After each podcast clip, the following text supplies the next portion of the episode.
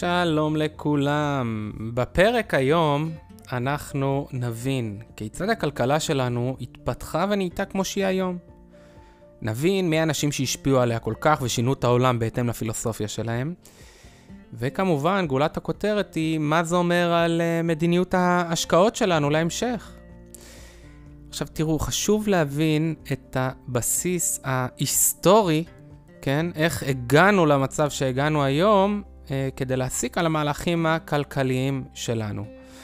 אז אנחנו נדבר בסדר כרונולוגי, נתחיל מאדם סמית, אה, אה, שהגישה הקלאסית שהגה כבר במאה ה-18, על ג'ון מיינארד קיינס ולסיום מילטון פרידמן.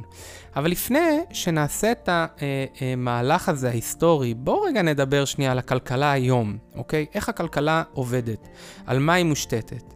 אז בגדול הכלכלה עובדת היום על, אה, לפי שני אה, גורמים מרכזיים, וזה צריכה והלוואות. מה זה אומר? צריכה זה מה שאנחנו, הפרטים, רוכשים. אם תשימו לב, כל הזמן מנסים לעודד אותנו לצרוך, תצרכו, תצרכו, תקנו, תקנו. נותנים לנו מענקים מהממשלה, קחו לקנות.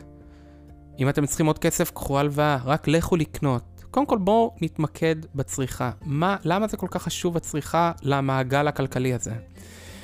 הצריכה היא, היא כזו. בני האדם, אנחנו, הפשוטים, הפרטים, הפריטים, קונים לנו מוצרים, ממי אנחנו קונים? מחברות וחנויות. החברות והחנויות האלה מגדילים את הרווחים שלהם, ובעזרת הגדלת הרווחים האלה הם יכולים לבוא ולעשות עוד השקעות, אוקיי? שההשקעות האלה יעסיקו עוד עובדים וייצרו עוד מוצרים כדי שמי יוכל לקנות אותם? נכון, אנחנו. אבל רגע, עכשיו אם חסר כסף, מה עושים? אה, אז קחו עוד הלוואה.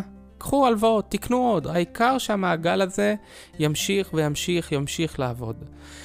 איפה הבעיה? ברגע שאחד המקומות האלה, או הצריכה, או בהלוואות, יש איזושהי בעיה, למעשה כל הדבר הזה אמור להישבר, כן? פתאום אין צריכה יותר, לא קונים. סגר, מוכר לכם? קורונה, לא קונים כלום יותר, זהו, רק מוצרי בסיס, אה, צריכה וזהו, לא, לא הולכים לקניונים, לא מסעדות, לא.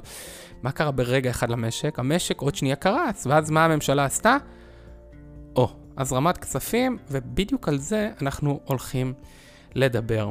אז אנחנו, בואו נבין רגע את כל המערכת הזאת, איך הגענו למצב הזה שאנחנו היום מבוססים על כלכלה שמושתתת על צריכה והלוואות.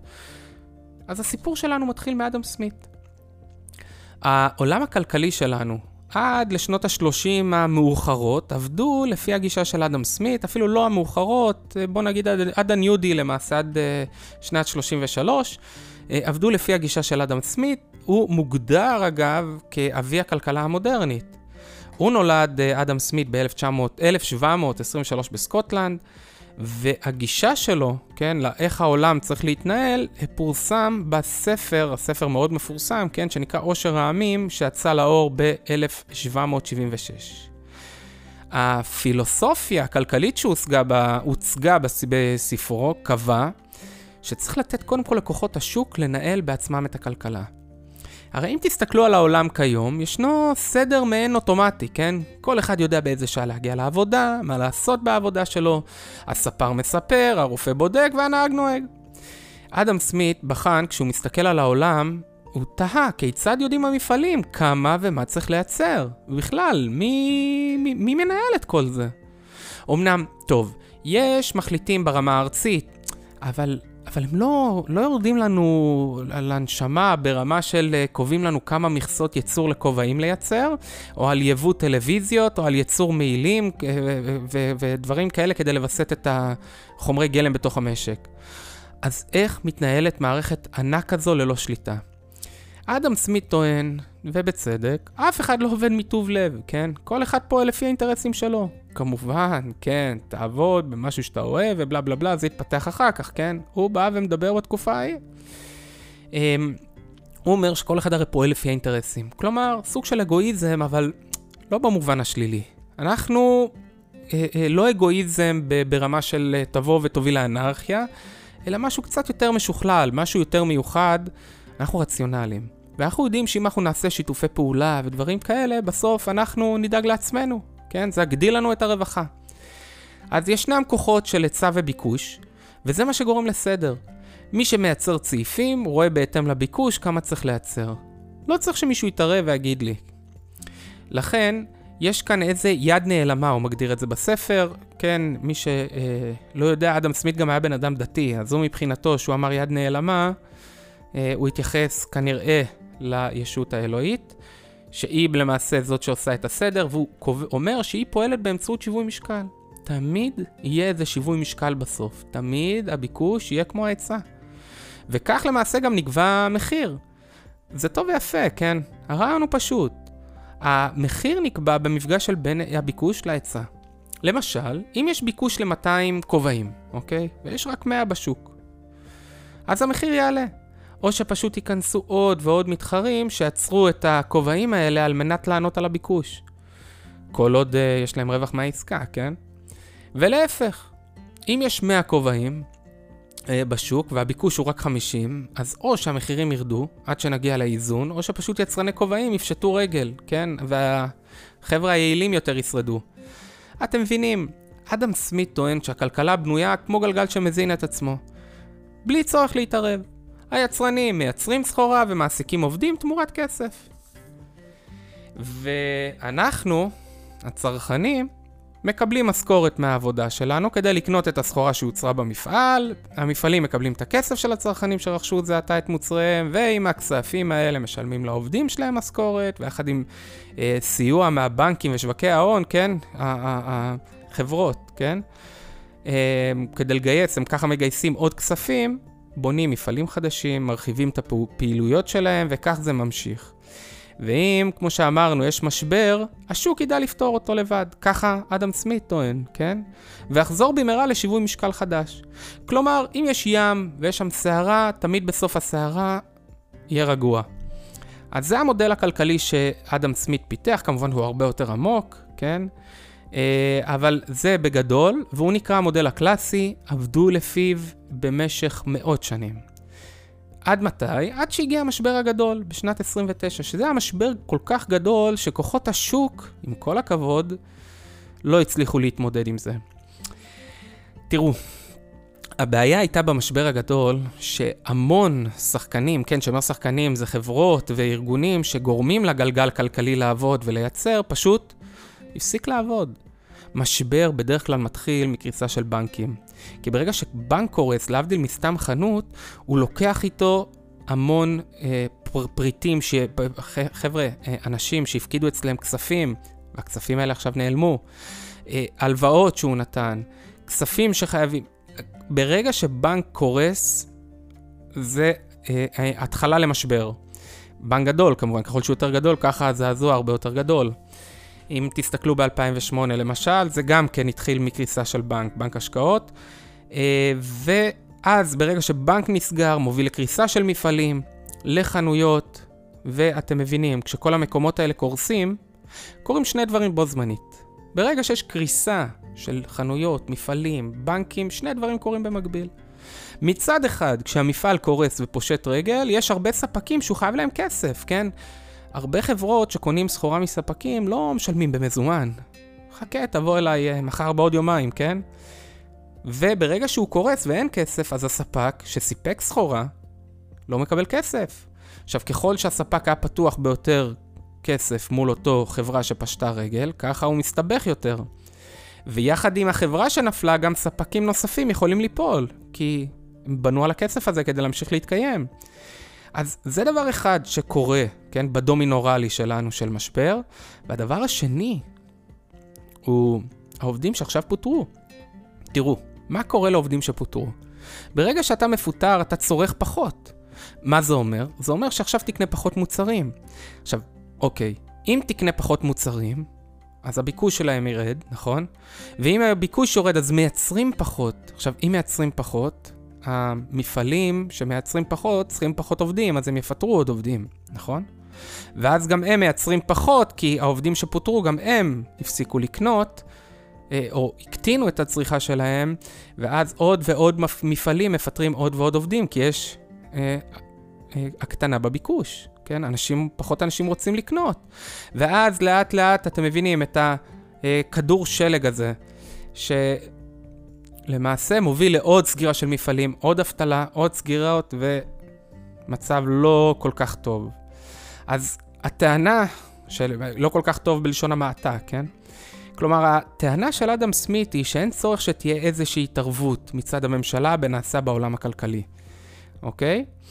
השוק ידאג לעצמו. כך שגם אם יהיה משבר, אז בסוף המשבר המשק שוב יתאזן ויגיע לשיווי משקל חדש. אז כמו שאמרנו, התיאוריה הזאת עבדה לא רע עד 1929, וכאן מגיע הגיבור השני של ציפורנו, שזה ג'ון מיינארד קיינס. אז קיינס נולד טיפה אחריו, כן, ב-1883, הוא היה מרצה לכלכלה באוניברסיטת קיימברידג'. תראו, קיינס הוציא הרבה ספרים במהלך החיים, היה לו אפילו אחד מאוד משמעותי אחרי מלחמת העולם הראשונה, אבל אנחנו הולכים לדבר על הספר שהוא הוציא בשנת 1936, זה נקרא The General Theory of Employment, Interest and Money. אוקיי? ששם הוא סוקר את עיקרי הסיבות של המשבר ומה שהממשלה הייתה צריכה לעשות כדי לצלוח אותו. קיינס למעשה מסביר שזה נחמד ויפה כשבסוף משבר מגיעים לשיווי משקל. או כמו שאמרנו, כן? כשיש סערה, בסוף הסערה אנחנו... הים יירגע. אבל השאלה של קיינס, בסדר, יופי שבסוף הסערה הים יירגע, אבל מה עושים כשיש סערה? איך צריך להתנהג? אז כאן קיינס הוסיף חידוש בתפיסה, ואמר שנכון, שכל עוד מחזור העסקים תקין, השוק יודע לנהל את עצמו ואין צורך בהתערבות ממשלתית. אולם, כשיש משבר, קיינס אומר, הממשלה חייבת להיכנס ולהתערב. עכשיו, בואו נעצור רגע, נבין, למה הכוונה שאני אומר, אה, אה, משבר אנחנו הבנו, נכון? שזה ירידה בביקושים, ירידה בביקוש לעובדים, ירידה בביקוש למוצרים, ירידה בביקוש להשקעות, כן? הרי אמרנו, משבר בדרך כלל נוצר בעקבות קריסת בנקים, או קריסה של הרבה מפעלים ביחד, שמובילים לדברים כאלה. אמ, אוקיי? ואמרנו, העובדים מקבלים פחות פרנסה וכולי וכולי וכולי. אוקיי, אז כשאנחנו נמצאים במשבר כזה, אה, קיינס אומר, אנחנו, הממשלה צריכה להתנהל בצורה אנטי-מחזורית. מה זה אומר צורה אנטי-מחזורית? זה אומר שכל עוד המשק פועל טוב ובעלייה והמצב ו- תקין, הממשלה צריכה לעשות כמה שפחות. לא להתערב, לחסוך כסף. אבל ברגע שיש משבר ויש ירידה, כן, בביקושים וירידה בהכנסות, הממשלה צריכה ב- לפעול בדיוק הפוך. זה נקרא אנטי-מחזורי, להיות נגד המחזור. המחזור יורד, הממשלה צריכה להגדיל את הצריכה שלה. אז למה היא צריכה להגדיל? הסיבה שהיא צריכה זה כדי להניע את גלגלי המשק. לכן, גיינס גורס שבעת משבר על הממשלה להיכנס ולהגדיל ביקושים, להכניס את היד לכיס על ידי, כן, להכניס את היד לכיס, ואיך היא עושה את זה? יצירת מקומות עבודה. הממשלה משלם, פותחת משרדים חדשים, משלמת, אה, אה, אה, יוצר, יוצרת מקומות עבודה, ואז האנשים האלה עכשיו כבר לא מובטלים, הם יכולים לחזור לצרוך, כן? והחברות מגדילות את הרווחים שלהם בהתאם לגידול בצריכה. מבצעים פרויקטים גדולים במימון המדינה, כן? פרויקטי תשתית גדולים, שגם זה מביא גם לקנייה של חומרי גלם, כן? גם להעסקת עובדים, ו... ולמעשה ברגע שאתה מפתח גם תשתית, אתה משפר את כל הכלכלה כולה, כן? אה, וככה גם, כמו שאמרנו, לגרום לאנשים להרוויח כסף, לחזור לצרוך, לקנות מוצרים, החברות ירוויחו יותר, ואז הם יוכלו ויצטרכו להעסיק עוד עובדים. אתם מבינים? ואז אנחנו לאט לאט, המשק יוצא מהמשבר, מתחיל צמיחה כלכלית, ואז ברגע שזה קורה, קיינס בא ואומר, יופי, המשק יצא מהמשבר, האבטלה ירדה, הרווחים גדלו, מעולה. עכשיו תור הממשלה, ששש, אנטי מחזורי אמרנו, נכון? עכשיו תחסכו. תחסכו, תחסכו, כשכשיגיע המשבר הבא, עוד פעם יהיה לכם מספיק כסף לבוא ולהכניס את היד לכיס ולהוציא אותנו מהמשבר הזה. שזה, אפרופו, נשמע, נשמע מהמם, נכון? נשמע ממש טוב. איפה הבעיה, כן? אז פה מגיע למעשה מילטון פרידמן. זה הגיבור השלישי שלנו היום. הגיבור שלנו הגיח בשנות ה-70 של המאה הקודמת, זוכה פרס נובל יהודי, שהוא אמר משפט המפורסם, כן, משפט המפורסם שלו, שאין משהו קבוע יותר ממשרד ממשלתי זמני. מילטון פרידמן אמר שקיינס בהחלט צודק, ואכן במשבר, אם הממשלה תתערב ותגדיל את החוב שלה, איך, כן, בכך שהיא מגדילה את הצריכה שלה, כן, היא מגייסת עובדים חדשים, מקימה פרויקטים ועוד, אז אין ספק, זה יצליח. זה, וזה יקדם ויחזיר את הכלכלה שוב למסלול הצמיחה. איפה הבעיה מתחילה? הבעיה מתחילה שהמשק יוצא מהמשבר, ואז הממשלה צריכה להקטין את הוצאותיה, לחסוך ולהקטין את הגירעון כדי שתהיה מוכנה לגייס חוב חדש למשבר הבא. פה מתחיל הבעיה. כי, אתם יודעים, כשהממשלה צריכה להקטין את ההוצאות שלה ולעשות קיצוצים נרחבים במשרות, בפרויקטים, אה, על מנת להקטין את החוב הממשלתי, זה פשוט, נכון, לא קורה. פוליטיקאים בסופו של דבר הם אנשים, כן?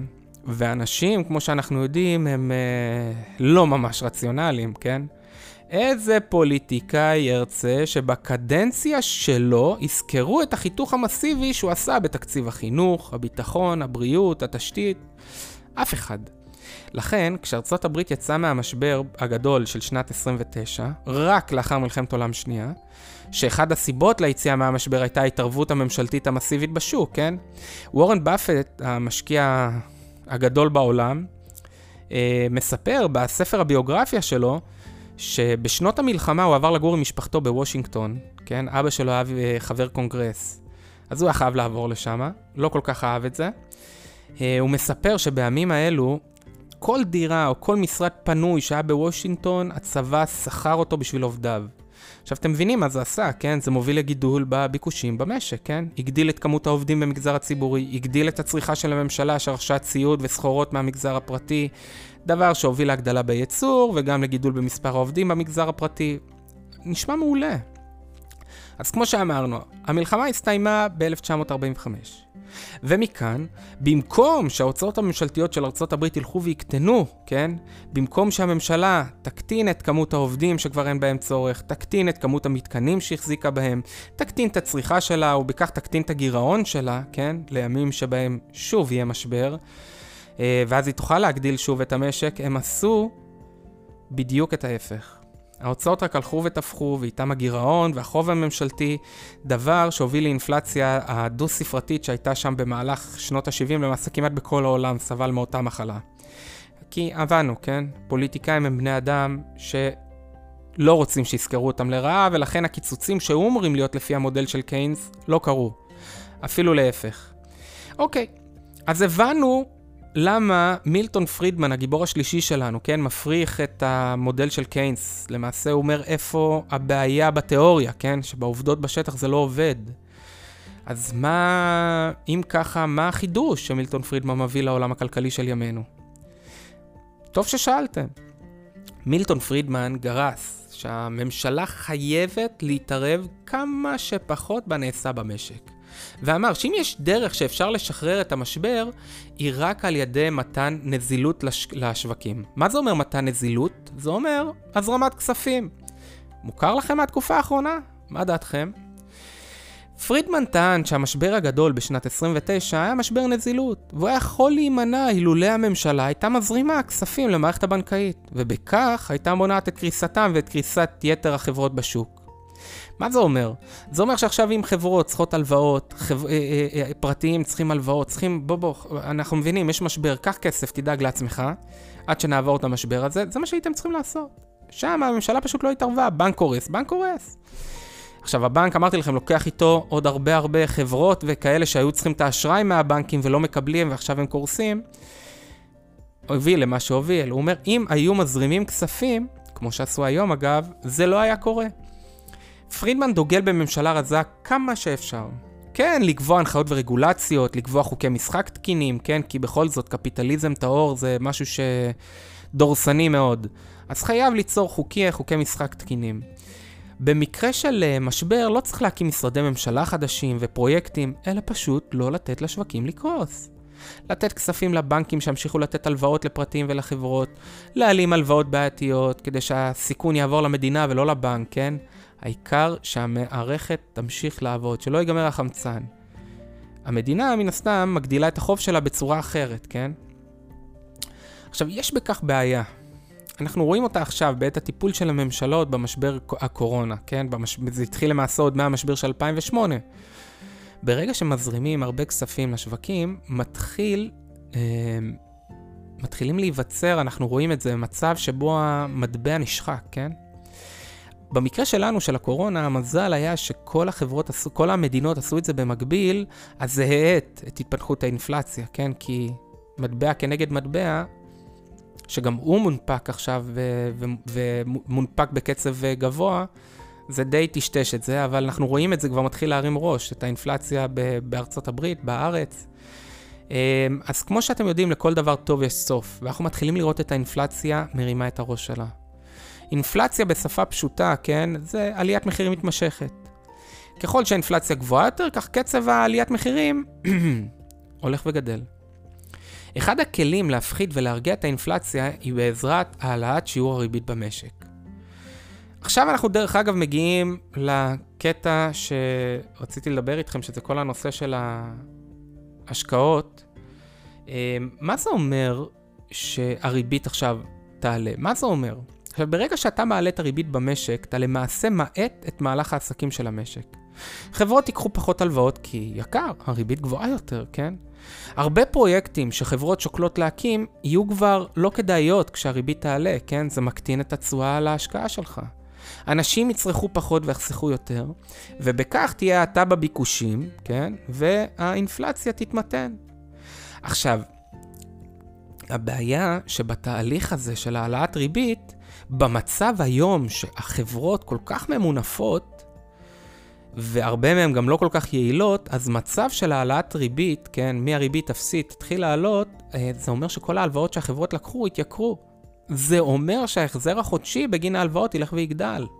עכשיו תחשבו, חברה שהרווח החודשי שלה היה 8,000 שקל לפני החזר ההלוואה, והחזר ההלוואה עומד היום על 7,000 שקל, יישאר לה רווח של 1,000, נכון? 8,000 פחות ה-7,000 החזר, יישאר לה רווח תזרימי של 1,000 שקל. אמריקה.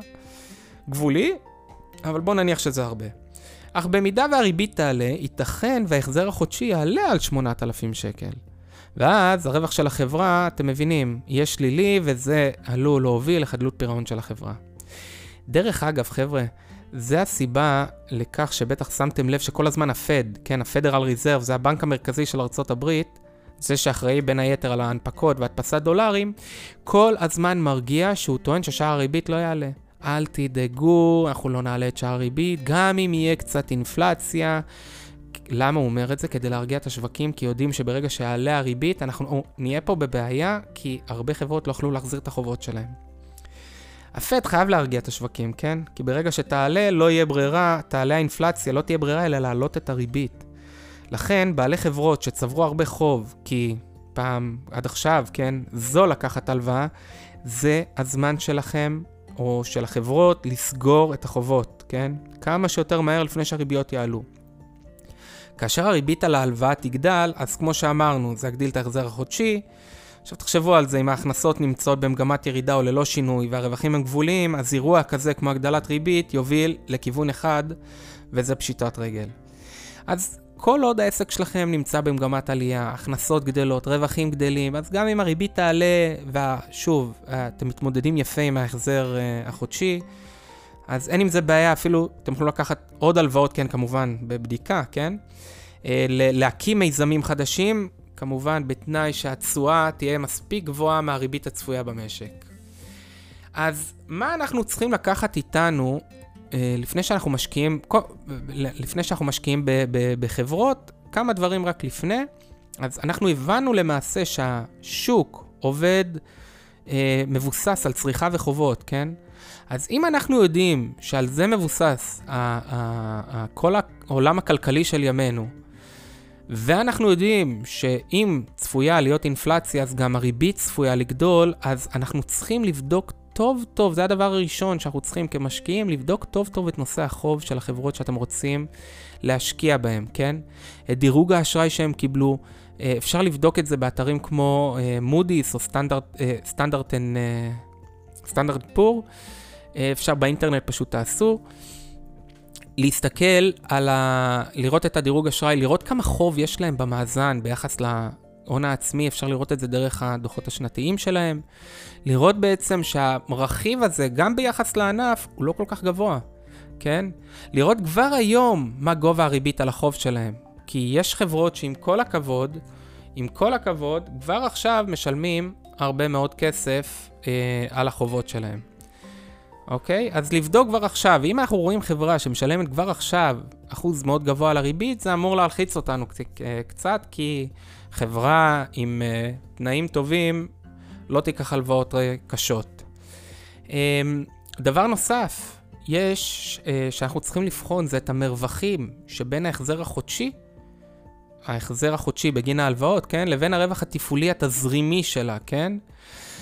כמו שעשינו בדוגמה קודם, לראות באמת מה הרווח התפעולי, בואו בוא נעשה את זה פשוט, מה הרווח התפעולי ביחס להחזרי הלוואות שלה. אם אנחנו רואים שזה גבולי המרווח הזה, אז אנחנו יודעים שברגע שהריבית תעלה, זה אפילו אמור להביא אותנו לרווח שלילי.